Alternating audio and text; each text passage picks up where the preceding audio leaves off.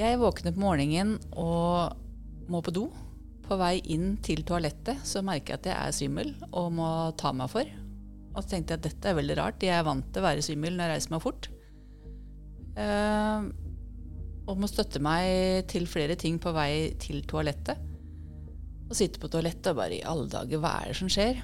Må holde meg fast i dorullholderen. Den sklir jo, så jeg ender med å sitte og holde meg fast i dusjveggen. Tenker jeg, jeg må bare ta meg et glass vann og gå tilbake og legge meg, for klokka hadde ikke ringt ennå før jeg skulle opp på jobb. Og tilfeldigvis, når jeg er på vei tilbake til soverommet etter å ha tatt et glass vann, så møter jeg mannen min, som mm, sier i alle dager 'hva holder du på med'? Da er jeg i knestående, for jeg klarer ikke å stå oppreist. Og jeg krabber tilbake på badegulvet, og så sier jeg at det, det er noe galt. Tror du må ringe til legen? Ok. Så han ringer ambulansen.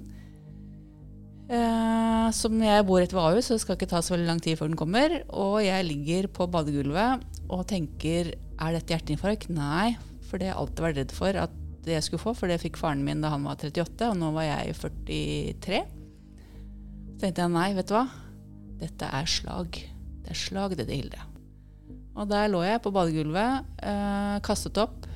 Klarte ikke å flytte meg, så jeg klarte ja, noen centimeter, så jeg kasta opp to ganger i håret mitt. Jeg måtte på do, og klarte jo ikke å reise meg, så jeg måtte rope på mannen min, som måtte hjelpe meg på do, for da tømte jeg det som var den veien. Og lå på badegulvet, og der lå jeg da naken til ambulansen kom, for jeg klarte ikke engang å kle på meg trusa mi. Sånn opplevde jeg. Og jeg var aldri redd, for jeg skjønte at dette var ikke noe livstruende med meg. Jeg var bevisst hele tiden.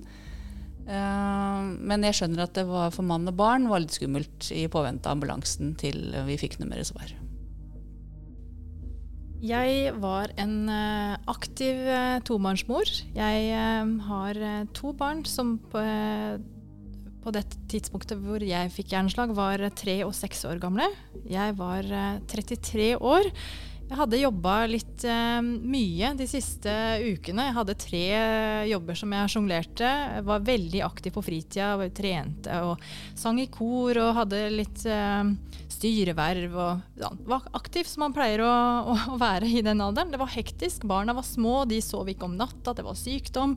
Så det at jeg var litt sliten, det var jo ikke noe overraskelse. Det var ikke noe uvanlig med å være sliten. Jeg hadde vært sliten i noen uker eh, eh, i forkant.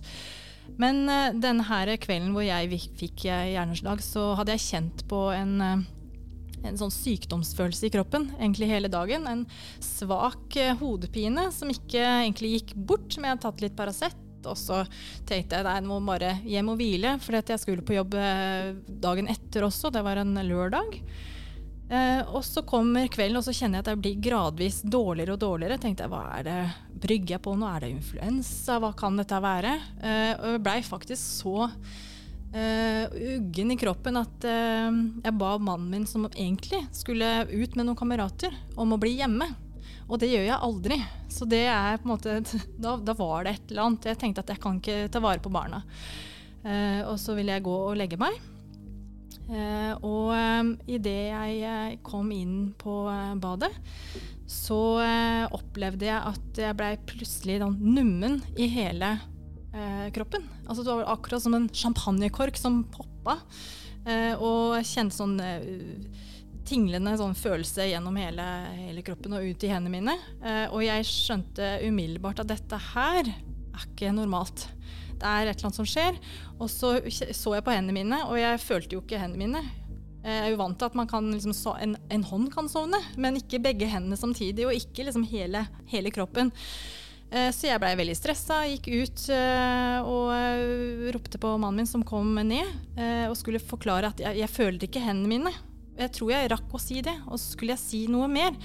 Men da klarte jeg ikke å prate plutselig. Jeg fikk ikke ut et ord. Det blei bare mumling og lyder. Og han trodde jeg kanskje hadde et panikkanfall, eller jeg har jo ikke hatt det før. Men han, vi blei litt stressa begge to. Um, og jeg prøvde å få han uh, med meg opp, uh, for å Kanskje tenkte jeg, jeg kan, hvis jeg ikke kan snakke, så kan jeg i hvert fall skrive. Så da prøvde jeg å signalisere at jeg må skrive. Eh, kom opp i stua, fikk noe papir. Jeg klarte fortsatt å gå, om jeg kjente at det er et eller annet som skjer også på eh, høyre side av kroppen i beinet på det tidspunktet. Eh, prøvde å skrive sykehus, men det klarte jeg jo ikke å, skrive. Jeg klarte å skrive en S, og så var ordet sykehus bare borte fra hodet mitt. Og da skjønte jeg at dette er alvor. Da var han, mannen min allerede på telefon med 113, for han hadde fanga opp eh, at dette var alvorlig. Og så eh, kom eh, ambulansen. Og jeg skjønte jo på det tidspunktet når jeg hadde mista språket, at dette må være hjerneslag. Fordi eh, bare kort eh, tid, altså et års tid før dette her, så hadde jeg en bekjent som eh, døde av en hjerneblødning. Hun var også ung, så jeg hadde liksom det, det i, eh, i, eh, bakhodet. Eh, og da ble jeg jo selvfølgelig veldig redd, og blei kjørt til sykehuset i all hast. Uh, Innafor den gylne timen, som alle vet. og da fikk jeg trombolysebehandling, og det viste seg at jeg hadde hatt en propp i hjernen som heldigvis blei løst opp av medisin.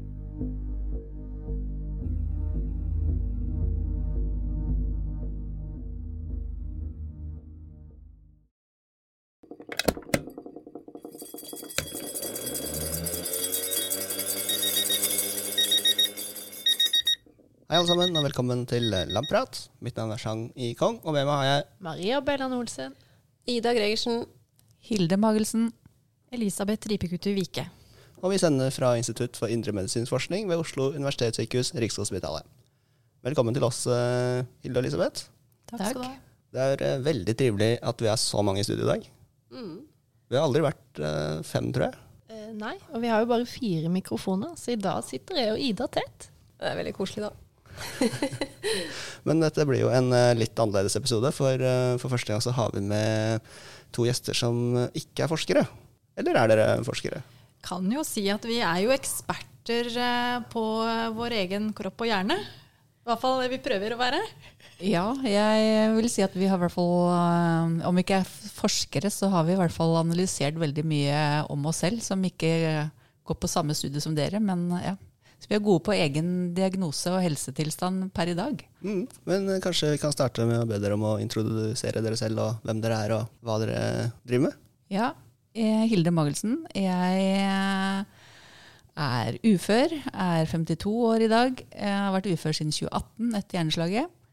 Jeg er veldig aktiv i en slagforening, eh, og er grunnen til at jeg er her i dag. Eh, talsperson for mitt nettverk Eh, veldig opptatt av hjerneslag og formidling av senskader, eh, kvinner, fatigue. Holder foredrag.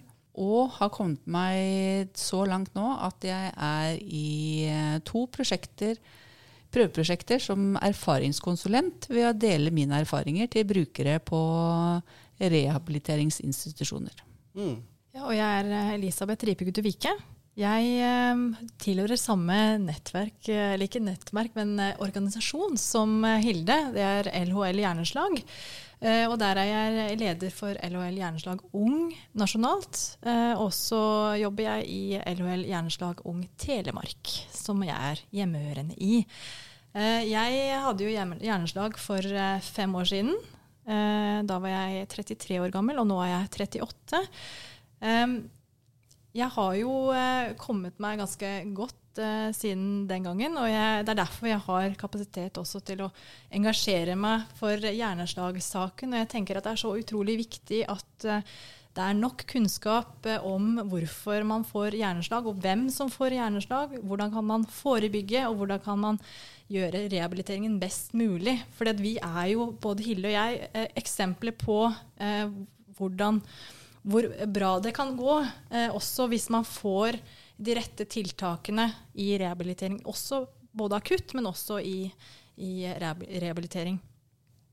Så jeg også, som Hilde, er uh, opptatt uh, av å fronte det med hjerneslag og årsaker, og også eh, spesielt opptatt sjøl av det med trening og betydningen av trening på kroppen og hjernen. Jeg er veldig glad for å ha dere med oss eh, i studio i dag, for eh, episodens tema skal jo da handle om hjerneslag. Men Ida Marie, vi har jo eh, snakket om hjerneslag før i denne podkasten.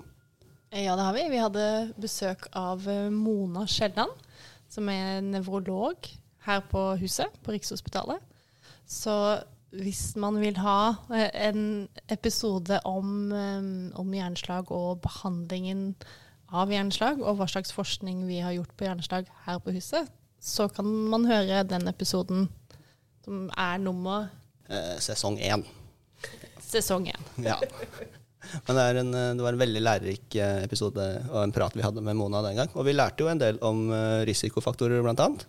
Ja, de vanlige risikofaktorene, det er jo da lite fysisk aktivitet. Høy alder er vel egentlig den viktigste. At du har hatt eh, tidligere hjerte- og karsykdom. Det kan være kosthold, det kan være røyking, fedme og metabolsk syndrom man, er jo en risikofaktor. Og søvnapné er noen av risikofaktorene. Mm. Så dette er de klassiske risikofaktorene for hjerneslag. Og jeg lurer på, når du snakker om alder, jeg tror de aller fleste får hjerneslag etter fylte 65 år. Det stemmer. Men dere er ikke Dere passer jo ikke til noe av dette her. Verken eh, risikofaktor eller alder. Nei, det er jo litt eh, Vi er jo unntaket som bekrefter regelen, kanskje. Eh, Det er jo sånn som med oss at, at vi ante jo ingenting. Vi ante fred og ingen fare. Livet var besto av, av jobb og aktiviteter og barn og familie og alt det her.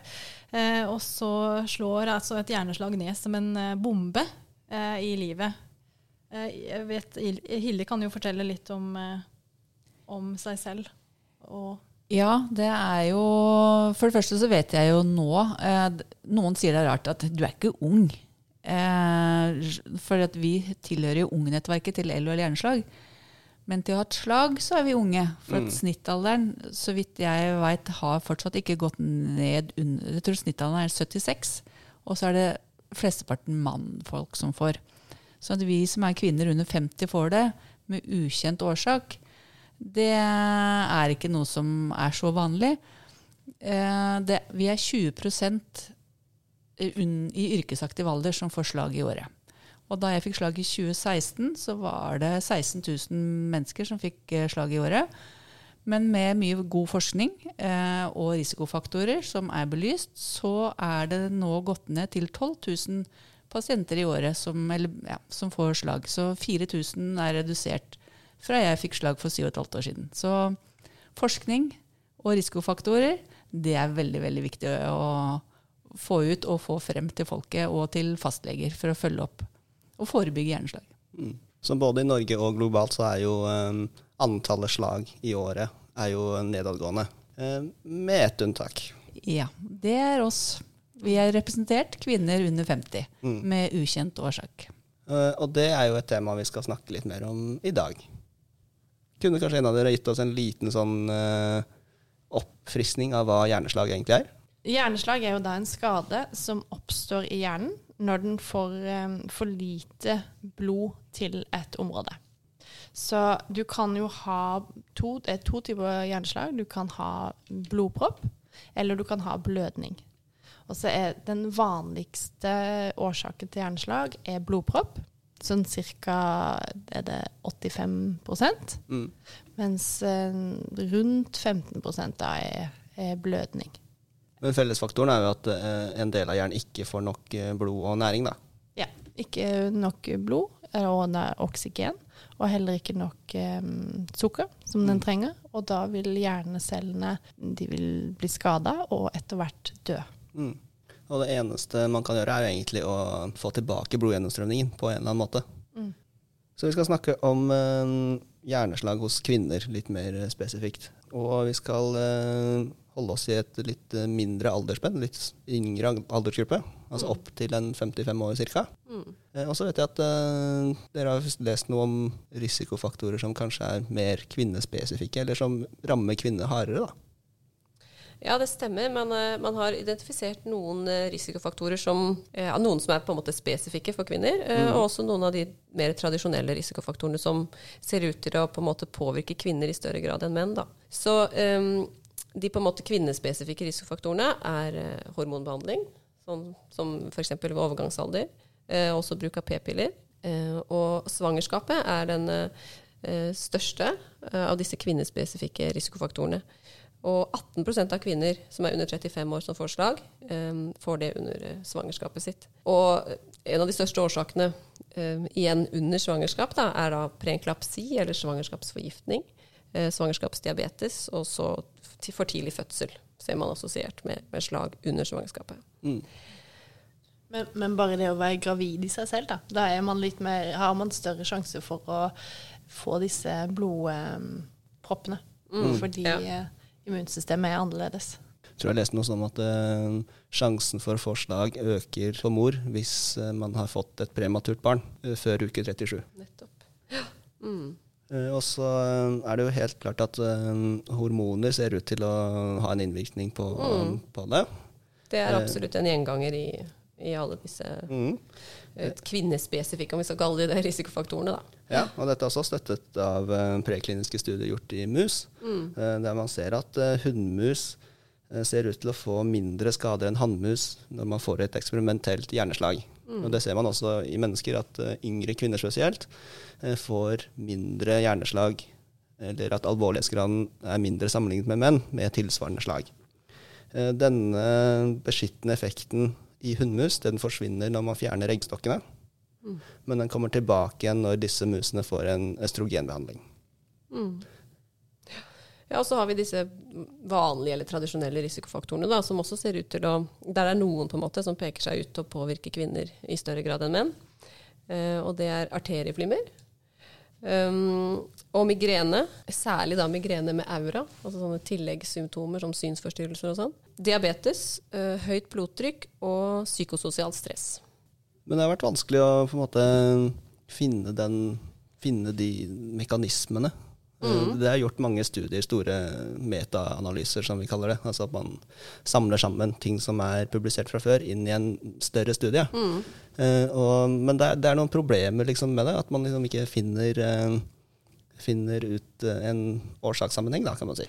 Ja, det er, for det første så er det jo ikke alle studier som tar hensyn til kjønn, og som ikke nødvendigvis ser spesifikt på er det kjønnsforskjeller her. Og da blir det jo på en måte umulig eh, å, å vite.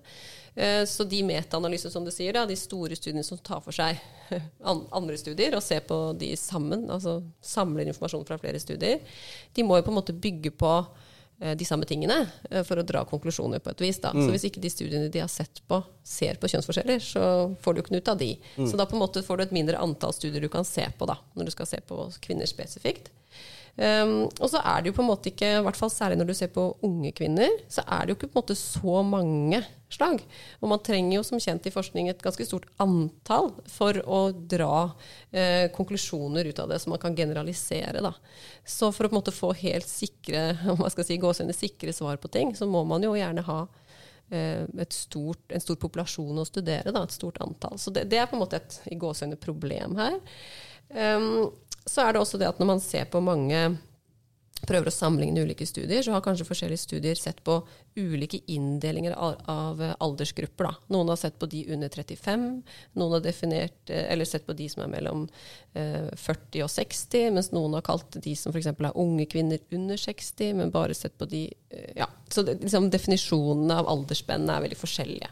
Så alt dette på en måte kompliserer eh, hvor sikre konklusjoner man kan dra ut av det. da. Um, ja, og så er det også dette med at det fins jo forskjellige typer slag, som Maria sa innledningsvis. Eh, Så noen har f.eks. bare sett på det vi kaller iskjemisk slag, som skyldes ofte skyldes en propp, mens noen har sett på f.eks. alle typer slag under ett, der du også har med blødninger. Og årsakene vil nok være forskjellige her, og kanskje også risikofaktorene. da. Eh, til de forskningene som du refererte til nå, eh, er det da med de under 18?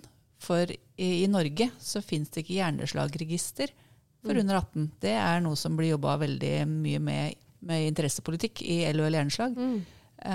så noen av de studiene du refererer til, hva er Du sa aldersspenn, men er det, noen som, er det noe forskning på de under 18, Mm. i tillegg til det du sa? Det er et godt spørsmål. Jeg tror ofte Ja, det er eh, et av studiene så er det sett på ned til tolv år, i hvert fall. Ja. Eh, Men da er det igjen dette ikke sant, med um, Vil man på en måte ha um, Hvis man ser på ti studier, da, så er det kanskje to av de sett fra tolv år uh, til 30.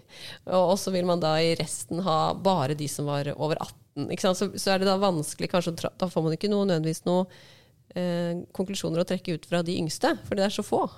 Så det, blir, det er veldig vanskelig på en måte når man ikke mm, ja, har nok data om alle aldersgruppene. Men det, hvorvidt det finnes og hvor vanlig det er, og sånn, det, det kan jeg ikke si noe om. Altså, det vet jeg ikke. Jeg må bare legge til at den studien du refererer til, Ida, med at det var inkludert kvinner eh, ned til tolv år, så var det også eh, en svangerskapsrelatert eh, slagstudie. Nettopp. Eh, og man får jo bare håpe at det ikke er så mange som er så unge i den, den gruppa. Ja. Mm.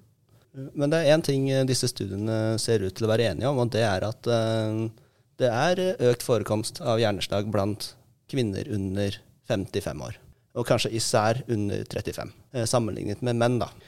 Og eh, man ser at uh, i de samme gruppene så er det ikke noe forskjell i antallet uh, hjerteinfarkt, som man tradisjonelt tenker deler de samme risikofaktorene som hjerneslag. Og da basert på det mener man jo da at uh, grunnen til at flere unge kvinner får hjerneslag, skyldes andre faktorer enn da de tradisjonelle faktorene som vi kjenner til. Mm. Ja, så det kan jo da kanskje sannsynligvis være noen av disse kvinnespesifikke risikofaktorene da, som vi nevnte i sted. Mm. Men du nevnte jo eh, sånne sosiale aspekter i dag. Yes. Det er jo eh, problemer knytta til studiet av disse. Mm, ja, det stemmer. Eh, ja, som jeg sa, så er eh, psykososialt stress det er assosiert med økt risikoforslag hos begge kjønn, men særlig hos kvinner. Eh, men det er jo som du sier litt også der, med hvordan man på en måte designer et studie, og hva man ser på. Um, så på en måte, hva man definerer som psykososialt stress, vil jo da variere mellom ulike studier. Um, og det vil nok også variere i forskjellige deler av verden eh, hva mm, på en måte som preger eh, livet da, til kanskje særlig kvinner. Ikke sant? Om hvilke stressfaktorer man har i livet sitt, da, måte, og hvordan de oppfattes. Og så vidt jeg har forstått eh, i de artiklene jeg har sett, så, så vet man ikke nødvendigvis mekanismen for at det psykososiale stresset øker eh, risikoforslag, særlig hos kvinner. Og man vet på en måte heller ikke om det er at kvinner på en måte takler dette stresset annerledes enn menn, og liksom, ja, hva som er mekanismene bak. Da. Så det er jo mange ting som, eh, som kan være vanskelig å studere der. Mm. Mm. Jeg vil bare skyte inn at jeg tenker at det kan ha noe med kanskje vår vestlige livsstil, eh, de psykososiale faktorene. For dette har jo altså, ja, Jeg tenker at eh, vi har jo sett en økning i alle typer eh, sykdommer som har med psykososialt stress å gjøre. Det er flere, er, måte, flere sykdommer som er sensitive for det. Eh, og det er ikke helt unaturlig eh, at eh, også det vil være en medvirkende årsak i hjerneslag. Og kvinner, vi vet jo at kvinner tar fortsatt eh, mer ansvar i hjemmet. Det er ikke, Nå er jeg ikke kategorisk her, men, men det er studier som viser at fortsatt så tar eh, ofte kvinner en større del av ansvaret. Eh, både hjemme eh, og også i fritidsaktiviteter, i andre, i andre settinger. Og, og også eh, omsorgsoppgaver utenfor hjemmet Mm. for familie, f.eks. Eh, som kan føre til at det blir en ekstra belastning og opphoping. Eh, men sånn, sånn for min, min egen del, og også kjenner jo Hille litt eh, godt, at vi har jo eh, begge to hatt litt sånn eh, flink pike-tendenser eh, opp igjennom. Eh, og vi har hatt eh, mange baller i lufta og har vært vant til å være den aktive, den som tar initiativ, den som er på, eh, på ballen eh, og er med der det skjer. Og har, triv, har trives med det. Og jeg syns at det er, liksom, det er noe som gir livet litt gnist, å være liksom på og være med. Eh, men også selvfølgelig fører til noe press på tid, kan du si. Eh, som, som vi vet jo før altså, Selv om man opplever noe stress som positivt, så kan det også ha en negativ effekt på kroppen. Eh, sånn som jeg har skjønt, og det vet sikkert dere litt mer om. Der er jeg enig med Elisabeth at det kommer som en tilleggsfaktor på flere andre ting. Eh, For vi er jo i den kategorien som samfunnet sier som ressurspersoner. Eh, Flink pike. Da tøyer man strikken litt lenger, ønsker å være med på alt og gjerne gjøre alt best mulig. Og sammen med andre da faktorer så kan det stresset være en liten årsak, eh, medvirkende årsak til eh, andre eh, faktorer som gjør at vi får de blodproppene som blir litt for store, og gikk gjennom vårt hull i hjertet og opp i hjernen, dessverre. Men vi er vel enige om at stress er en risikofaktor? At det er kjent risikofaktor for bl.a. hjerneslag, men også andre sykdommer? Mm, ja, det stemmer absolutt. Så det, det er helt riktig. Eh, Det er eh, en uavhengig eh, risikofaktor for, for slag. Men det er kanskje vanskelig å definere Ja. hva som er stress, at derfor er det vanskelig å studere.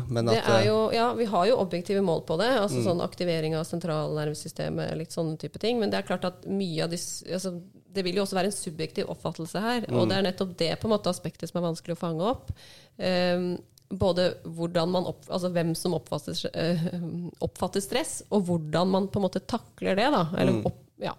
Så, det, så absolutt, ikke noe, tar ikke noe bort fra stress som en risikofaktor, men det gjør det vanskeligere å studere. Da. mm, vi kan tenke oss eh, spørreskjema gitt i Latin-Amerika, i Asia, i, i Norge. Der vil jo kanskje kvinnene eh, som svarer på disse, ha en helt annen oppfatning av hva som er forventet av en kvinne. Nettopp. Eh, Og at det derfor er vanskelig å på en måte sammenligne studier mellom verdensdeler, f.eks. Mm. Og så er det jo, tenker jeg, en, en sammen, det, er, det er jo en, en sammensetningen av faktorer, eh, i, i risikofaktorer, som i det mest uheldige øyeblikk bare sammenfaller, og så får man en, på en, ugjenopprettelig skade. Eh, og det, det var jo det jeg fikk beskjed om også eh, når jeg eh, fikk mitt eh, hjerneslag, at eh, du har hatt maks uflaks. Mm. Og det er litt vanskelig å forsone seg med det. At det bare, det er, er det bare uflaks? Eh, for jeg var, jeg var sunn og frisk, og jeg trente, og jeg følte jeg spiste, spiste noenlunde sunt. Jeg hadde, som du nevnte, litt sånn migrenetendenser. Eh, kan ha vært litt sånn hormonelt betinga, kan ha vært noe med stress å gjøre. Men det sammen da med lite søvn og alt, alt med seg, eh, blei eh, en så forhøya risiko at det Mm. es eskalerte, rett og slett. Ja, og det, det tror jeg er et veldig godt poeng. At det, og det er veldig viktig når man snakker om risikofaktorer. at Det er ikke sånn at det, eh, har man eh, noen av disse, så er man um, eh, liksom automatisk økt risiko for noe. Det er summen av det hele. Og det er jo det som på en måte gjør det så spennende, også så vanskelig å, for, å forske på, er at kroppen er jo et system der alt er, henger sammen. ikke sant? Så, og livet er et system der alt henger sammen. Og noe får man kontrollert, og noe får man ikke kontrollert. Og sånn er det jo også med risikofaktorer. At de vil jo på en måte henge sammen og påvirke hverandre. Og, og, og for noen, da, som du sier, kanskje eh, er man uheldig, og så akkurat eh, på det tidspunktet, holdt jeg på å si, på et tidspunkt, så vil det sammenfalle som gjør at man får en sånn hendelse. da. Og som eh, vi nevnte, vi, Hilde nevnte at vi hadde hatt eh, PFO. Kan jo forklare litt hva en PFO er. Altså, vi, eh, vi, jeg i hvert fall hadde, fikk beskjed etter at jeg hadde hjerneslag, så fikk jeg en undersøkelse av eh, hjertet som viste at jeg hadde et medfødt hull i hjertet, kalt en PFO, som eh, var eh, også en risikofaktor. Eh, Den var uoppdaga. Jeg visste ikke om det. Og, det, og da det ble oppdaga, så, så kunne det jo med stor sannsynlighet konkludere, i hvert fall for min del, at den var eh, en medvirkende årsak til at jeg fikk hjerneslag. Fordi at proppen hadde da passert via det hullet i hjertet. Så etter, eh, etter eh, hjerneslaget så fikk jeg en lukking av den PFO-en. Mm. Kan jeg spørre, hvordan, eh, hvordan var det man visualiserte dette hullet? Nei, da kom jeg på eh, hjerteavdelinga, og så foretok de en eh, undersøkelse hvor de sprøyter inn eh, bobler eh, i blodet, og så ser de om det er overgang mellom eh, hjertekamrene. Mm. Eh, og på meg så var det en tydelig overgang. Ja. Eh, og strengt tatt så skal jo sånne hull eh, oppdages av eh, en, eh, en, et trent eh, et medisinsk øre, eh, altså en lege. Eh, men i, og mange eh, lever jo godt med en sånt hull i hjertet. Mange vet ikke om det. Eh, og hvis det blir oppdaga, så blir det ofte gjort noe med. Men for de som ikke det oppdages hos, så er det veldig mange som lever veldig gode liv uten noe eh, varige men Mm. av det. Vi kan jo si litt om PFO, for det står for eh, patent foramen ovale. Eh, og det er jo da, som du sier, et hull i hjertet, og det er da mer spesifikt mellom eh, atriene i hjertet, altså mellom forkamrene. At det er en lekkasje mellom høyre og venstre forkammer. Da. Og faktisk så er det veldig vanlig. I en generell populasjon er 25% av den populasjonen vil ha PFO i en eller annen utstrekning. Ja, det kan variere fra mikro, bitte små hull til ganske store hull. Og øh, man tror jo at, øh, det har en, øh, at det er en risikofaktor for å få hjerneslag. Fordi man ser at av alle som har kryptogene slag, da, altså slag uten en Kjent årsak. kjent årsak, takk, eh, så er det så mange som 50% av disse pasientene eh, har, en, har, har da PFO, som er da dobbelt så mange som en generell populasjon. Eh, Men det, som- det som jeg syns er gøy med PFO, da, det viser, eh, hvis det er lov å si, at det er gøy. Ja, det er, for, forskere har Alt er å si det er. For det, det jeg syns er gøy med PFO, er at eh, det viser jo eh, evolusjonen i et hjerte. Fordi fisk har eh, ikke splitta hjertekammer i det hele tatt. Når man kommer til amfibier og reptiler, så får man delvis lukking av eh, høyre og venstre forkammer. Mm. Og så må man opp til fugler og pattedyr før det er helt lukket. Og den lukkingen skjer under da fosterutviklingen. Ja, Det jeg fikk høre, var at den er åpen eh, til du blir født og skal puste selv, og navlestrengen kruttes, så skal den lukkes av seg selv. Mm. Eh, og um, Elisabeth sa noe om eh, bobler og hjerte, men jeg husker i hvert fall at eh, det å, å svelge den slangen, Mm, eller du var, får eh, slangen ned for å titte på hjertet, Mm. Eh, og da fikk jeg jo se selv eh, hvordan de boblene gikk gjennom hjertekammeret. Og det jeg da skjønte, var at det var det hullet som var årsaken til at min propp forsvant opp. Ikke dette, jeg, jeg har ikke fått det som årsak til, men jeg vet at da jeg reiste meg brått fra senga, så var det akkurat samme bevegelse som jeg fikk beskjed om å gjøre da jeg hadde slangen ned i halsen. Og den øvelsen da, det skjønner jeg at det er det som skjedde da proppen kom, og jeg ble svimmel etter noen meter eh, fra senga. At du kjente igjen følelsen. Nei, men jeg, jeg kjente den eh, bevegelsen jeg hadde gjort i forkant. Mm. Og da skjønte jeg at den har da gått opp idet jeg reiser meg fra senga. Og de meterne jeg bruker rundt og bort til døra, så rakk jeg å bli svimmel. Eh, og da skjønner jeg hvor raskt det går gjennom hjertet og opp til lillehjernen, som den fester seg for min del. Og lillehjernen den styrer jo bevegelser og sånn, så det er grunnen til at jeg da ble svimmel og til slutt ble liggende på badegulvet. da. Og den eh, metoden man bruker for å se på, på hjertet du, du måtte svelge et rør og så se på hjertet fra innsiden, altså gjennom spiserøret, rett og slett. Det stemmer. eh, med en ultralydprobe. Ja. Eh, og da mikrobobler. Det er en veldig kul metode som vi må kanskje snakke om en annen gang. Veldig, men det er veldig fascinerende. Altså når man på en måte klarer å komme seg ut av sitt eget hode og på en måte dramatikken i situasjonen, så er det jo Jeg har alltid vært veldig fascinert eh, av de undersøkelsene som har blitt foretatt, og elsker å se på bilder av hjernen og, og, eh, og ultralyd av hjertet. Altså det er jo fas veldig fascinerende hvordan alt eh, fungerer, og hva man faktisk kan finne ut av med de metodene vi har i dag. Så pot potensialet er jo så stort for å finne ut enda mer. Og vi vet jo svært lite. Eh, sånn historisk sett så vet vi ikke så veldig mye om hjernen. Det er jo de siste 10-15 åra, kanskje 20, ja, hvis vi skal strekke det langt, da. Men, men i alle fall de, de, bare de siste åra så har det vært en enorm økning i kunnskap og interesse for hjernen og hva som skjer i hjernen, og hvilke faktorer som påvirker. Eh, og det er jo både på en måte kjemi og biologi, eh, biologi og det er på cellenivå. og det er, eh, ja, det er utrolig fascinerende, og vi vet bare en brøkdel av hva hjernen er. Og forskning tar tid. Jeg eh, er med i to forskningsprosjekter. Og der spurte jeg om hvorfor er det ikke kommet noe lenger med fatigue etter hjerneslag. Og da svarte personen nei, det, er ikke, vi har ikke kommet så langt, for det er bare forska på i 20 år. Jeg var bare 20 år, jeg syns jo det var mye. Men da skjønte jeg at i forskningssammenheng så var jo ikke 20 år så lenge.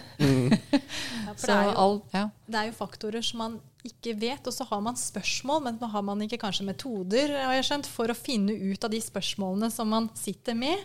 Og så må man vente på metodene eh, for å Ja. Så jeg, ja, jeg kjenner at eh, det er jo tidsperspektivet, som Hilde sier, 20 år. Vi trenger noen svar, altså vi som pasienter, da. Vi vil gjerne ha svar nå, for det gjelder jo livet vårt. Vi har ikke tid til å vente 20 år. Ikke sant? Vi, hvis, eh, hvis når dattera mi er, er 20 år, og hvis hun skulle være så uheldig å få slag, så vil jeg ikke at hun skal vente 20 år på, på å bli bra. Eh, Eller kunne gjøre ting som kan forhindre eller få medisiner som virker. Og Derfor er jo vi engasjert i at vi må få litt fart da, på den forskninga, sånn at vi kan, eh, kan få et be- be- et bedre tilbud. Jeg tenkte det passa å skyte inn her nå. I episoden med Mona så forteller hun hvordan eh, behandling av slag på 90-tallet, da, da, var, det- da, da var det jo ingen behandling overhodet, nærmest. Så da blei man jo bare satt til å vente, da, til å se hvordan det gikk. Mm, Tror du sa noe om at man bare kryssa fingrene og håpet at det gikk over? Ja, det stemmer.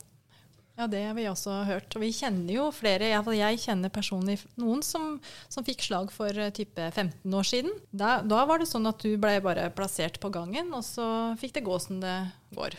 Det, og hun har jo varige men, men hadde hun fått den behandling som jeg fikk, så hadde hun kanskje vært på en helt annen plass i dag. Mm.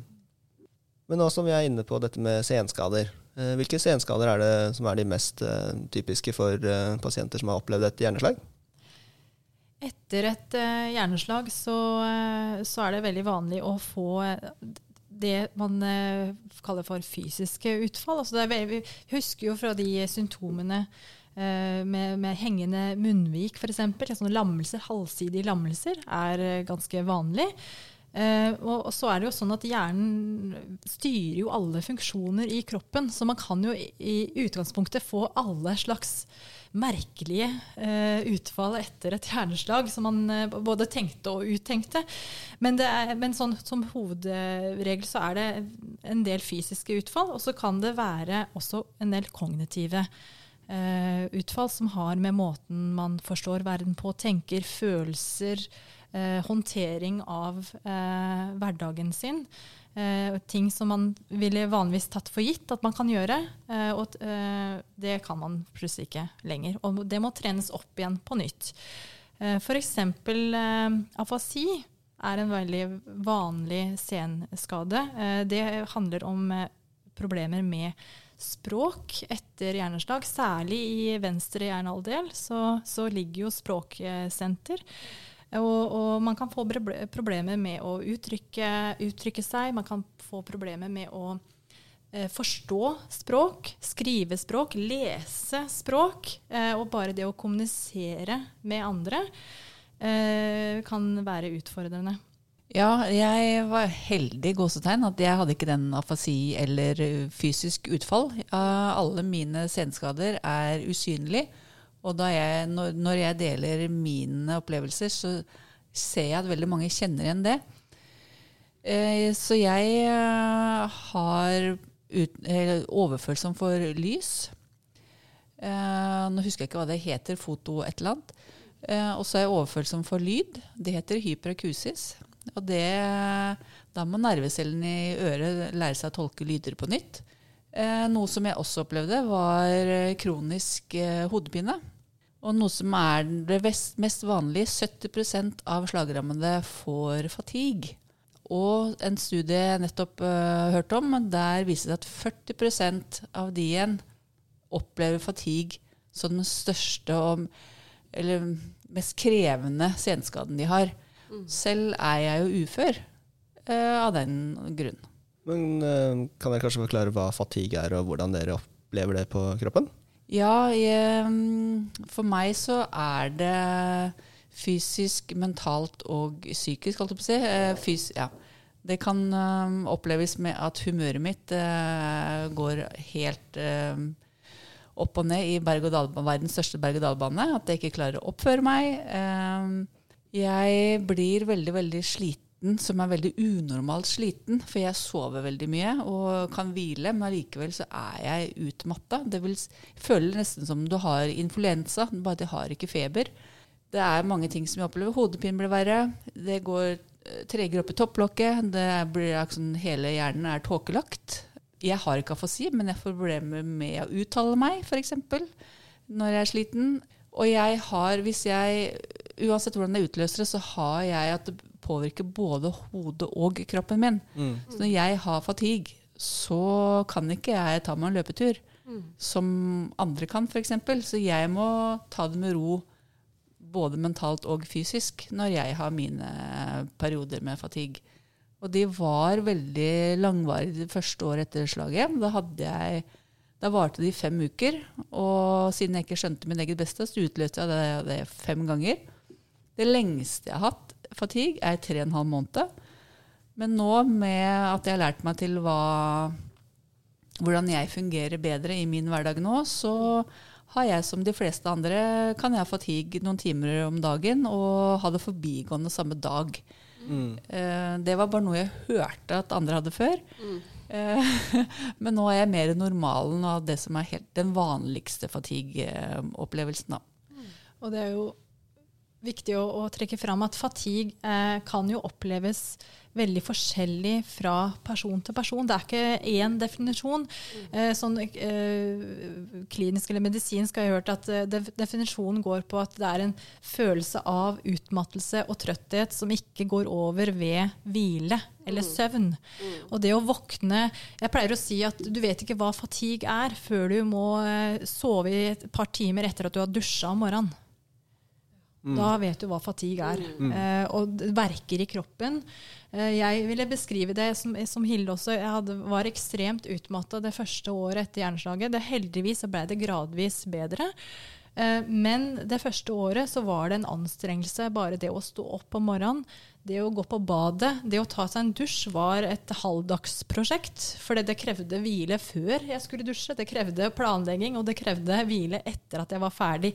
Og, mens, og i dusjen så måtte jeg passe på at jeg ikke besvimte av utmattelse. Så det har jo det er jo ekstreme ytterpunkter her eh, i fatigue. Eh, og, og noen dager så var det sånn.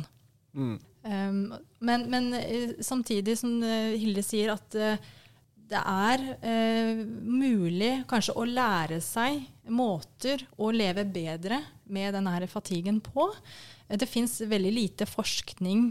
Det begynner å komme noen studier, men man vet egentlig lite om hva som utløser denne fatiguen. Og det er jo ikke, det er jo ikke spesielt for eh, hjerneslag at fatigue kan oppstå. Og den kan oppstå i ulike faser. Vi fikk den tidlig begge to, men jeg har også hørt om hjerneslagpasienter som har fått det flere år etter et hjerneslag. Så hva som er hva, det, det har ikke jeg svar på, men det kunne vært interessant å vite mer om. Mm. Da kommer vi kanskje naturlig inn på forskning på, på feltet. Eh, Vi har sett litt på eh, da, Vi kan starte med prekliniske studier, altså i musemodell 1. da. Eh, Der man har eksperimentelt gitt hjerneslag til mus. Eh, Nå husker jeg ikke eh, hvor store gruppene var, men det de finner, er at samtlige mus som får, har fått et hjerneslag og overlevd et hjerneslag, de viser tegn til da, fatigue. Så det er absolutt en veldig veldig vanlig senskade av hjerneslag. Og som du også sier, Elisabeth, så er det flere andre sykdommer der fatigue er en kjent senskade. Ja, det er jo flere et, Du kan få fatigue etter flere sykdommer. Et, sånn, et typisk eksempel er jo kreftsykdom. Mm. Men også infeksjonssykdommer. Vi ser jo det med, med covid f.eks. Og andre infeksjonssykdommer. Så er det òg vanlig å kunne oppleve fatigue i Mm. etterkant. Så det antyder jo at det er en fellesnevner eh, når disse sykdommene ellers er så forskjellige. Da. Eh, Og eh, vi har jo sett på eh, noen studier som er gjort eh, relatert til fatigue og hjerneslag da spesielt. Eh, Og vi kan si at det er veldig få. Eh, Vi fant en sånn oppsamlingsartikkel som refererte til eh, bare tre studier. Og de poengterer også at disse var ganske små, med få pasienter. Disse tre studiene viser at det er høyere nivåer av det vi kaller inflammatoriske cytokiner, altså betennelsesmolekyler, i da blodet til pasienter som opplever fatigue. Så det ser ut til at det er en korrelasjon mellom mye betennelsesmolekyler og graden av fatigue. Så immunsystemet er involvert. Det ser sånn ut, ja. Og det, det er litt interessant at du sier det. For jeg, eh, da jeg var innlagt på sykehuset, så fikk jeg jo høre at de første månedene etter hjerne, et eh, hjerneslag, så er, så er det en form for betennelsestilstand i hjernen. Eh, og det er en hevelse også som, som kommer som følge av hjerneslaget. Og da er det jo ikke unaturlig å tenke at det er noe som skjer her, som kanskje kan trigge en fatigue umiddelbart eller senere. Um, bare sånn fra toppen av hodet her. Ja, ja for når, når, du får et hjerneslag, så vil jo immun, uh, immuncellene vil jo komme til uh, slagområdet for å starte den reparasjonsprosessen. Så man kan jo da tenke seg at uh, det skjer altså, Du får skrudd på en reaksjon som kanskje ikke blir skrudd av riktig, eller at det setter i gang andre prosesser som kan føre til fatigue. Men det vet vi jo ikke. Nei, det er absolutt et område som trenger mer forskning. For det opplever jeg når jeg har holdt foredrag om fatigue, at det kommer folk bort til meg og sier jeg har ikke hatt slag, men jeg, de kjenner seg igjen i min fortelling. Eh, autoimmune sykdommer, sånn psoriasis og nei, psoriasis artritt og leddgikt og de tingene, de er veldig store gjenganger. MS, mm. sånne type um, sykdommer. Eh, eller ja, de kjenner seg veldig igjen i det vi sier. Så at det er likt på tvers av uh, sykdomsbildet. Mm.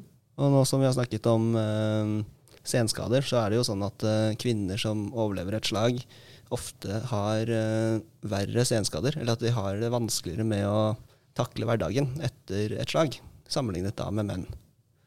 Man kan tenke seg at et alvorlig slag vil en mann ikke overleve, mens en kvinne vil overleve det, men må da leve med senskader resten av livet. Men som dere også sier, og er et levende bevis på, er at man kan eh, bli bedre igjen etter et slag. Ja, heldigvis. Mm. Hjernen er plastisk. Det er jeg veldig glad for. At det er mulig De hjernecellene som er døde, de er døde. Men eh, det går an å trene opp eh, nabocella til å overta funksjoner. Eh, og en god del av opptreningen går jo på å finne riktig verktøy for deg selv. Eh, for jeg og Elisabeth er jo to forskjellige eh, har kommet til dit vi er nå på to forskjellige måter også. Så det, det viktigste er å finne ut hva eh, er det som gjør at du blir tappa for energi, og hva gir deg energi. Og I der ligger det ganske mange verktøy som må på plass. Eh, F.eks. meg selv. Jeg valgte, fordi jeg var så mye sliten, jeg valgte å være, ta, ta bort fysisk aktivitet. Fordi jeg var så mye alene at jeg valgte å være sosial. Det var min mentale helse jeg tok vare på der. Eh, og når jeg da eh, har klart å få flere verktøy på plass og kjente at det kunne både være fysisk og sosial, så har jeg fokusert på den fysiske aktiviteten. Og tatt i det da også tar flere riktig gode valg for meg selv, så har jeg fått en stor fremgang. Eh, så mulig at jeg kunne ha, kanskje ha kommet raskere til det nivået jeg er i dag, hvis jeg også hadde prioritert fysisk aktivitet. Men det var ikke da god mental helse for meg etter mitt slag i de to første årene. Der har Elisabeth eh, en annen erfaring enn meg. Ja, jeg eh, begynte ganske tidlig med eh, trening. Eh, men ikke det, første, faktisk ikke det første året. Da hadde jeg så sterk fatigue at eh, da det, hadde jeg eh, et ambulant team hjemme som kom til meg to dager i uka. Og det var nok å bare gå til postkassa. Det var liksom dagens anstrengelse. Uh, og, gradvis kunne jeg utvide det til å gå og, uh, og møte barna på skolen, og den ligger fem minutter unna. Uh, det var liksom ukas mål. Så fra det da, og et år fram i tid, da begynte jeg med det man kan, kan kanskje kalle trening hos fysioterapeut. Kunne kanskje begynt før, jeg vet ikke, men jeg, fatigen var så sterk. Men jeg hadde en uh, utrolig god effekt av intensiv uh, trening. Uh, to dager i uka hos fysioterapeut. Jeg gikk også på terapiriding. Det begynte jeg jo på ganske ja, tre måneder etter hjerneslaget. Men det var først etter at jeg kom til fysioterapeut og intensiteten på treningen blei økt, da, da, opplevde jeg i, i løpet av ganske kort tid en markant bedring i min fatigue. Uh, og jeg vet at det er studier uh, som, som uh, understøtter det at høyintensiv trening gjør noe med hjernecellene og, og, og fremskynder den tilhelingsprosessen i, i hjerneceller. Så jeg, jeg, har brukt mye av min tid på å prioritere trening, men også hvile. Altså det er en balanse, som Hilde sier. Man må prioritere, og man er et helt menneske. Man kan, man kan uh, understøtte rehabiliteringen sin med mye kunnskap, men til syvende og sist må man funne, finne ut hva som fungerer for en selv. Og Det viktigste også er jo da å komme under kyndig veiledning. Uh, jeg er i den gruppen som ikke har fått uh, oppfølging i etterkant. Jeg har funnet det og gjort krav på det. Eh, sånn at eh, jeg var ikke på min første rehabilitering før det hadde gått fem år. Mm.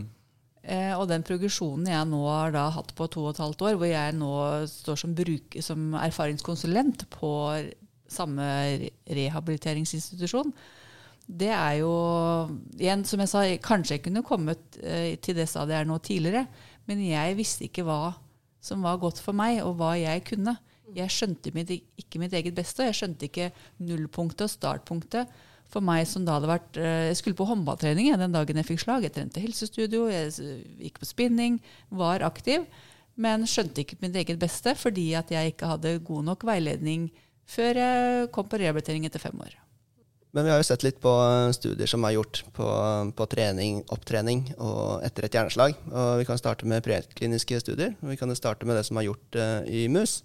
Um, har funnet en veldig kul studie der de har gitt helt sånn konkret eh, slag på et sted i hjernen som da hemmer eh, bruken av høyre forlabb i en mus. Eh, og i rehabiliteringen så har de da klippet værhårene på høyre siden til denne musa. Fordi mus bruker da værhår til å orientere seg eh, i rommet til vanlig. Men når værhårene er klippet, så er de da tvunget til å bruke sin høyre arm, eller høyre forlabb. Eh, og denne studien viser eh, helt tydelig at de musene som da blir tvunget til å bruke denne litt eh, slappe armen, de får en mye raskere bedring i, eh, i funksjonen til, i denne labben etter et slag. Så da blir på en måte nervesignaleringen reparert, eller? Ja, kan man det, det? det dannes jo nye nervebaner i hjernen eh, når et område blir skadet. Eh, og en sånn helt sånn eh, spesifikk opptrening for å bedre den funksjonen som er rammet, ser ut til å ha en uh, positiv effekt. Da. Det finnes jo en del sånne generelle anbefalinger for opptrening, men det finnes kanskje ikke spesifikke, eller? Eh, jo, Helsedirektoratet har eh, på sine nettsider også ganske sånn tydelige anbefalinger om fysisk aktivitet eh, etter eh, et hjerneslag.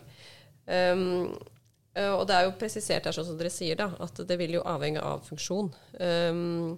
Og, og, på en måte må være persontilpasset. Um, men um, at all aktivitet uh, vil være bedre enn ingenting. Liksom sånn som å gå til postkassen, som du sier, og, og, man på en måte må starte der hvor man er. Uh, og de skiller da mellom det man kaller fysisk aktivitet og trening. Og det er jo litt sånn, det blir sånn begreper, liksom. Men det er jo fysisk aktivitet nettopp dette, da, å liksom gå kanskje en tur eller hverdagslige gjøremål eh, og sånne type ting. Eh, og trening er litt mer sånn få opp pulsen, som du nevner. Også, jeg må bare skyte inn at uh, trening er jo Det å gå til postkassa kan også være trening hvis nettopp. det skjer systematisk. Ja. Hvis man gjør det til sin oppgave den dagen, jeg skal gå til postkassa, og så gjør man det hver dag, så trener man jo de hjernecellene som signaliserer mm. eh, ja. til hjernen. Og, ja. og i, i, hjernen så er det jo sånn at, uh, at, det er jo use it or, or lose it. Mm. Eh, det man trener, blir man bedre på. Eh, og særlig hvis da de hjernecellene, eller hjernesignalene er litt svake. Mm. Så, så, jo mer man mm. trener de signalene, jo sterkere blir det. Det er som en sånn svak, eh, sånn svak strøm. ikke sant? Altså, mm. Den blir sterkere jo mer man får kobla seg på hovednettet. Mm, ja, og der, her skriver de da på, på disse nettsidene sine at um, fysisk aktivitet og trening de på en måte setter det sammen som egentlig litt sånn likestilt, da, at begge deler er veldig bra. Uh, kan redusere risiko for uh, nye hjerneslag. Uh, og også redusere nevrologiske utfall og bedre fysisk funksjon. Så, så, retningslinjene er jo der, men eh, kommunikasjonen er jo kanskje ikke nødvendigvis så god, da? Eller ut fra hva dere sier, så har de kanskje ikke kommet ut til dere? Eller hva, hvordan føler dere det har vært? Det kommer an på oppfølging du får. Ja, eh, og det som da er viktig, som mange er glad for at jeg kan si nå, selv om jeg da ikke begynte med den fysiske aktiviteten før etter fem år For man sier jo at det, det er det første året som er viktig å trene. Mm. Jeg kan bevise at det er faktisk mulig selv etter fem år å begynne da, Mm. og ha stor virkning. Så husk at det er ikke for sent. Det er bedre sent enn aldri å starte den fysiske opptreningen. Ja, så jeg tenker at eh, Kommunikasjon ut til pasientene her er jo veldig viktig. da. At Det på en måte, det burde jo ikke være tilfeldig hvem som får hvilken informasjon.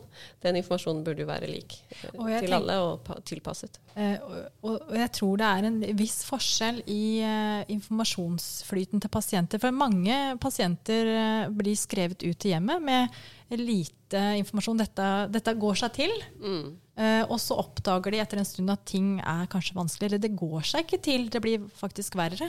Uh, og da er kanskje veien uh, til informasjon litt lengre enn om man har litt alvorligere utfall innledningsvis og kommer raskt i spesialisthelsetjenesten på rehab med en gang. For da er kanskje veien lagt litt for deg eh, for hva de tar opp.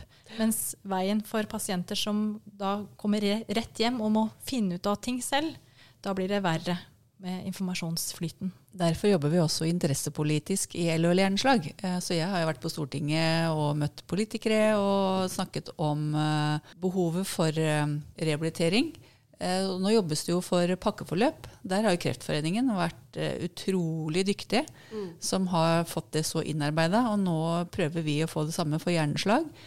Og noe som vi har vært og sett i Danmark, er Eller jo, hjerneskadekoordinator.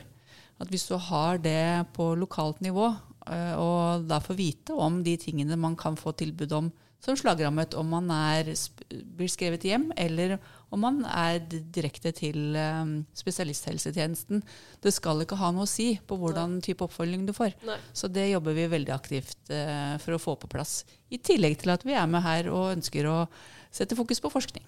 Og det er jo, eh, som, som Hilde sier, det er jo grunnen til at vi er her for å sette litt eh, fokus på, eh, på hjerneslag.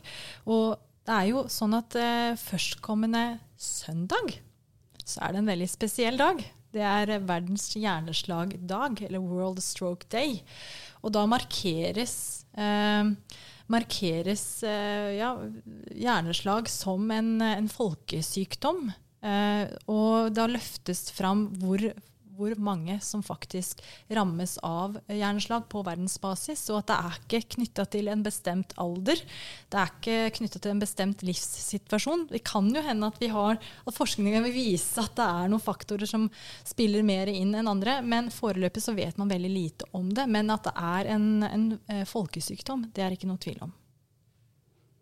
Og da er det en eh, naturlig overgang til det neste vi skal snakke om, nemlig da brukermedvirkning. Det er jo et eh, litt rart ord i deg, Maria, men vi hører det jo veldig ofte, og vi må jo forholde oss til det når vi skriver søknader og sånn. Men hva er det egentlig? Brukermedvirkning er eh, noe Det er vår brukerne sin stemme. Dere sitter på fagkompetansen og er gode på det på fag. Mens vi brukere vi har, sitter jo med eh, hovedkompetansen på, på vår diagnose. Så vi trenger eh, brukeren inn for å hjelpe til å definere spørsmål, kanskje hva man er ute etter, hvordan ting blir oppfatta, hvordan skal man stille spørsmål. Um, det er i hvert fall sånn jeg har blitt tatt med som brukermedvirkning i de prosjektene jeg har vært på, og hvordan jeg Mm. syns at det er viktig å få med inn i alle mulige forskningsprosjekter, hvor hensikten er å finne hva brukeren uh, kan bidra med. Og også, tenker jeg, eh, veldig viktig å, å tenke hvem er det forskningen er til for? Eh, og, og vi Det er jo et eh, Jeg tenker at det må være et, et gjensidig samarbeid eh, og, og, et, og en tillit også fra, fra brukeren sin side, eller pasienten sin side. Vi stiller oss til rådighet som, som forskningsobjekter for dere på laben. Dere kan hente ut eh, eh, biologisk materiale fra ulike steder og, og forske på det. Og, og vi kan eh, komme med, med tilleggsopplysninger som gjør at dere kan stille de riktige spørsmålene eh, til det dere finner i deres forskning. Eh, så dette, jeg tror vi har mye å hente på et tett samarbeid mellom eh, brukere og forskere. Ja, altså Som biolog, da, så kan vi kan jo kanskje bli litt opphengt i sånn eh, biologiske mekanismer og litt sånn hva skjer her og hva skjer der. Men bare sånn etter den samtalen med dere her i dag, så må jeg jo si at jeg får veldig lyst til å finne ut av hva skjer under fatigue. Altså, det, det, det er viktig for dere, og det tenner på en måte min, eh, min biologiske nysgjerrighet. da. Men dere som er, eh, er involvert som bruker i brukermedvirkning i forskningsprosjekt, eh, hvor føler dere at dere får oppdatering på hvordan det går? Eller er det noen som har ansvar i LHL f.eks. For, for å følge opp forskningsprosjektene? Jeg får, blir oppdatert av de som er ansvarlig for, for de prosjektene jeg er på. Mm. Eh, senest i går så fikk jeg en rapport og ble innkalt til møte, for, for, hun skal kartlegge hva hun har funnet ut så langt. Eh, så selv om jeg har blitt henta inn via LOL på det ene, så er det jeg som bruker som får oppdateringen. Eh, og blir involvert hele veien når jeg først har kommet inn i studiet. Nettopp. Og øh, føler du at det er øh, på en måte som alle andre brukere i organisasjonen får glede av, eller uh, må du være mellomledd og kommunisere det videre? Da må jeg ærlig innrømme at jeg ikke har kommunisert, kommunisert, det videre. Det er noe jeg Siden prosjektene ikke er ferdig, mm. så har ikke jeg kommunisert videre. Men mm. når resultatene foreligger, så vil jeg dele, som jeg alltid gjør med egen erfaring mm. i nettverket. Nettopp. Vi kan jo avslutningsvis si noe om hva som ikke er brukermedvirkning. Altså, brukermedvirkning kan jo blant oss forskere da, hvert fall være litt sånn misforstått. Um, at vi tenker at rekruttering av pasienter er brukermedvirkning. Og kan man kanskje tenke at det å uh, fortelle om resultatene etter studien er gjort, at det er brukermedvirkning. Mm. Men det er det jo overhodet ikke. Nei, det er å være involvert under prosessen. Mm. Det kommer an på selvfølgelig hva man er ute etter i hvert enkelt prosjekt. Mm. Men i de prosjektene som jeg har vært med på, så er det jo da hvordan stille spørsmål, hvordan formulere. Skal det være skriftlig undersøkelse? Skal det være muntlig? Eh, hvordan, og tidsbruk. Hvor langt skal det være? Hvor oversiktlig må det være? For må, det er så mange hensyn du må ta tak i, for det er jo fatigue-prosjekter jeg er i. Så det er så mange faktorer som må inn, og da blir jeg som bruker hørt og blir spurt om hva som funker. Eh, fordi at det, dere sitter på en annen kompetanse. Dere forsker på mus. Mm. Musene kan jo ikke svare dere. Dere ser, jo, dere ser, jo, det dere ser. Men jeg kan fortelle det, eller andre brukere kan fortelle det med ord. Hvordan det er for oss å bli oppfatta, det dere finner ut av, eller det dere forsker på. Og Da er du inne på et, eh, et, problem vi ofte støter på, vi som driver med ganske mye basalforskning. Eh, det er jo at vi vet ikke hvordan hvilken pasientgruppe vi skal kontakte, f.eks. Hvis vi studerer mekanisme i en celle som vi tror har noe å si for f.eks. hjerneslag. Da. Mm. Eh, hvilken pasientgruppe er det som er den relevante? Eh, hvordan involverer man en bruker? Eh, og hvordan skal dette kommuniseres videre? Jeg vet ikke om dere er kjent med noen sånne prosjekter der noen fra organisasjonen er involvert? Ikke umiddelbart. Jeg har ikke hørt om det. Jeg mener uansett hvilken forskning man har, så finne ut hvilken pasientorganisasjon kan dekke en stor masse av den gruppen dere forsker på. Um, nå representerer vi jo LOL Hjerneslag, som er Norges største slagforening. Eh, det fins også andre, men det er også å finne ut hvem representerer den forskningsgruppa dere er ute etter. Og gå dit og henvende seg for å få inn brukermedvirkere. For da vil noen i hovedsetet i den foreningen kunne vite hvor kompetansen sitter, og hvem de mener kan være med å bidra på best mulig måte, etter hvilken type forskning det er snakk om. Mm, og generelt er dere positive til å bidra i forskning? Jeg er det, fordi jeg vil jo at ting skal komme opp i dagen. At ting som jeg kjenner selv Jeg vil ha flere knagger å henge ting på, og forklaring på på hvorfor jeg er som jeg er. For vi trenger alle knagger for å skjønne hva det er som skjer med oss. Så helt til slutt, for å oppsummere, så har vi jo Det er jo noen mangler i, i forståelsen av hvorfor uh, unge kvinner får hjerneslag. Uh, og før denne episoden, Hille Elisabeth, så ga vi så altså, vi gikk ut høyt og sa at vi skal sammen prøve å finne det ideelle studiet som kan besvare de, disse spørsmålene. Og Hille, Hilde, der hadde du eh, Du har jo designet et studie til oss. ja, i hvert fall mitt drømmescenario for min del er eh, fordi jeg også har vært med på brukermedvirkning, så jeg vet hva jeg kan bidra med, og hvordan jeg kan være med å, å formulere spørreskjemaer. Så mener jeg at man må hente inn pasientgrupper allerede i akuttfasen. Eh, kortfarta eh, spørsmål som kommer der. Gjerne ta med pårørende som kan hjelpe til å svare. Kanskje det skal være ett skjema for den slagrammede og én for pårørende, for de som har det. Så vil det være ønskelig med oppfølging over tid, gjerne over år. Fordi at i akuttfasen så kan du ikke svare på For da vet du kanskje ikke hva fatigue er, f.eks. Du vet ikke nok om utløsende faktor. Så jeg ønsker at både i akuttfasen og i oppfølging så skal det legges vekt på hvordan liv har du levd. I hvert fall som vi sa, kvinner under 50. Er det flink pike? Eh, høy aktivitetsnivå? Det var stress. Hvilke andre faktorer eh, påvirker da kanskje gjerne kvinner? Og når man da har, over tid lærer seg hva som er sin senskade, og litt mer om hva fatigue er, Hvilken skal det være spørreskjema som du kan få hver tredje måned, ved halvår? Skal det være skriftlig? Noe bør nok tas muntlig, fordi det er veldig vanskelig å svare på. Noen klarer å svare på en link tilsendt på skjema. Eh, andre klarer ikke å, da, å lese, f.eks., og ta, vil gjerne da ha intervjuet på telefon. Så da å få inn brukermedvirkere på hva uh, hva passer seg, hvilken spørsmål skal man stille for å finne ut det vi selv mener er viktig på brukernivå. Og så må jo forskerne finne ut hva kan man, og hva er viktig for forsknings... Uh, på, på fagfeltet. Om hva som er viktig å få fram. Uh, hvor langt skal et intervju være, eller en skjema? Det varierer. Um, og at, som sagt at det går over tid. Som sagt, Forskning har ikke kommet langt nok til å si at Hilde, du har rett på at de og de og de tingene var årsaken til ditt slag. For jeg er ganske sikker på alle de små tannhjulene i, i grunnen til at jeg har fått slag. Det er jeg ganske sikker på, men forskning har ikke langt, kommet langt nok til å si det har du rett i, Hilde. At det, alle de små tingene der til sammen utløste ditt slag. Og et sånt prosjekt, eh, å sy sammen alle de små knappene der, de, det hadde vært drømmescenario for min del. Så oppsummert her, da.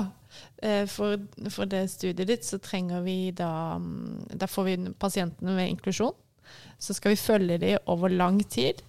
Og så i tillegg så trenger man da en kontrollgruppe som man følger over like lang tid. Det er jeg enig i. Og så er det like viktig at vi i kontrollgruppe kan få med pårørende for det har jeg ennå ikke vært borti at er med. Så det også er en, et i drømmescenarioet mitt å få med en pårørende som kan svare som kontroll på at uh, det den slagrammede svarer, stemmer med virkeligheten. Fordi at man ikke alltid har en virkelighets... Eller virkelighetsoppfatningen er en annen for, for den som er ramma. Mm. Når man ikke er seg selv bevisst og kanskje har eh, andre typer um, senskader som man ikke da er klar over hele veien. Så egen, et eget spørreskjema for eh, pårørende i tillegg. Ja. ja. Mm. Og så vil jeg legge til jeg ville hatt med noen blodprøver underveis her, sånn at vi kan uh, se på litt um, biologiske markører. Mm. Men vi har jo ikke blodprøve av en akuttpasient før de kommer på akutten. Men kan da disse pasientenes slektninger fungere som en sånn sudokontroll? Ja, det kunne de jo gjort. Um, absolutt. Eller den kontrollgruppen som man skaffer. Da. For hvis man prøver jo å få seg en kontrollgruppe som er så lik som den gruppen man har, så har man en kvinne på rundt 30 eh, med slag, så prøver man å finne en kvinne med lik helsestatus mm. på rundt 30 som kontroll, da. Så mm. det er jo et alternativ. Ja. Men uh, gruppene er jo små hvis vi tenker Norge sånn, som helhet. Det er jo ikke veldig mange uh, i denne gruppen. Uh, vi må kanskje samarbeide med utlandet? Ja, absolutt. Det ville jo vært en fordel, for da får man et høyere antall og mer sannsynlig mulighet for å finne noe. Men med tanke på at dette studiet skal gå over veldig lang tid, så vil vi jo ha eh, litt problemer med at forskjellige land har forskjellige systemer for oppfølging. Så det vil jo være en faktor som kan spille inn her, da. Og eh, nå kan jo ikke jeg så mye om eh, forskning eh, og samarbeid på tvers av landegrenser, men det er jo naturlig å tenke at kanskje de nordiske, nordiske landene har flere felles systemer. Og det vil være lettere å, å samarbeide i Norden. og da kanskje få en større inklusjon av pasienter. Nå lærte jeg et nytt ord eh, som, som man kan bruke i et sånt eh, prosjekt. Og man er mer lik eh, livsførsel Ikke minst til eh, enn når man går til helt andre typer land enn i Europa og Norden. Absolutt.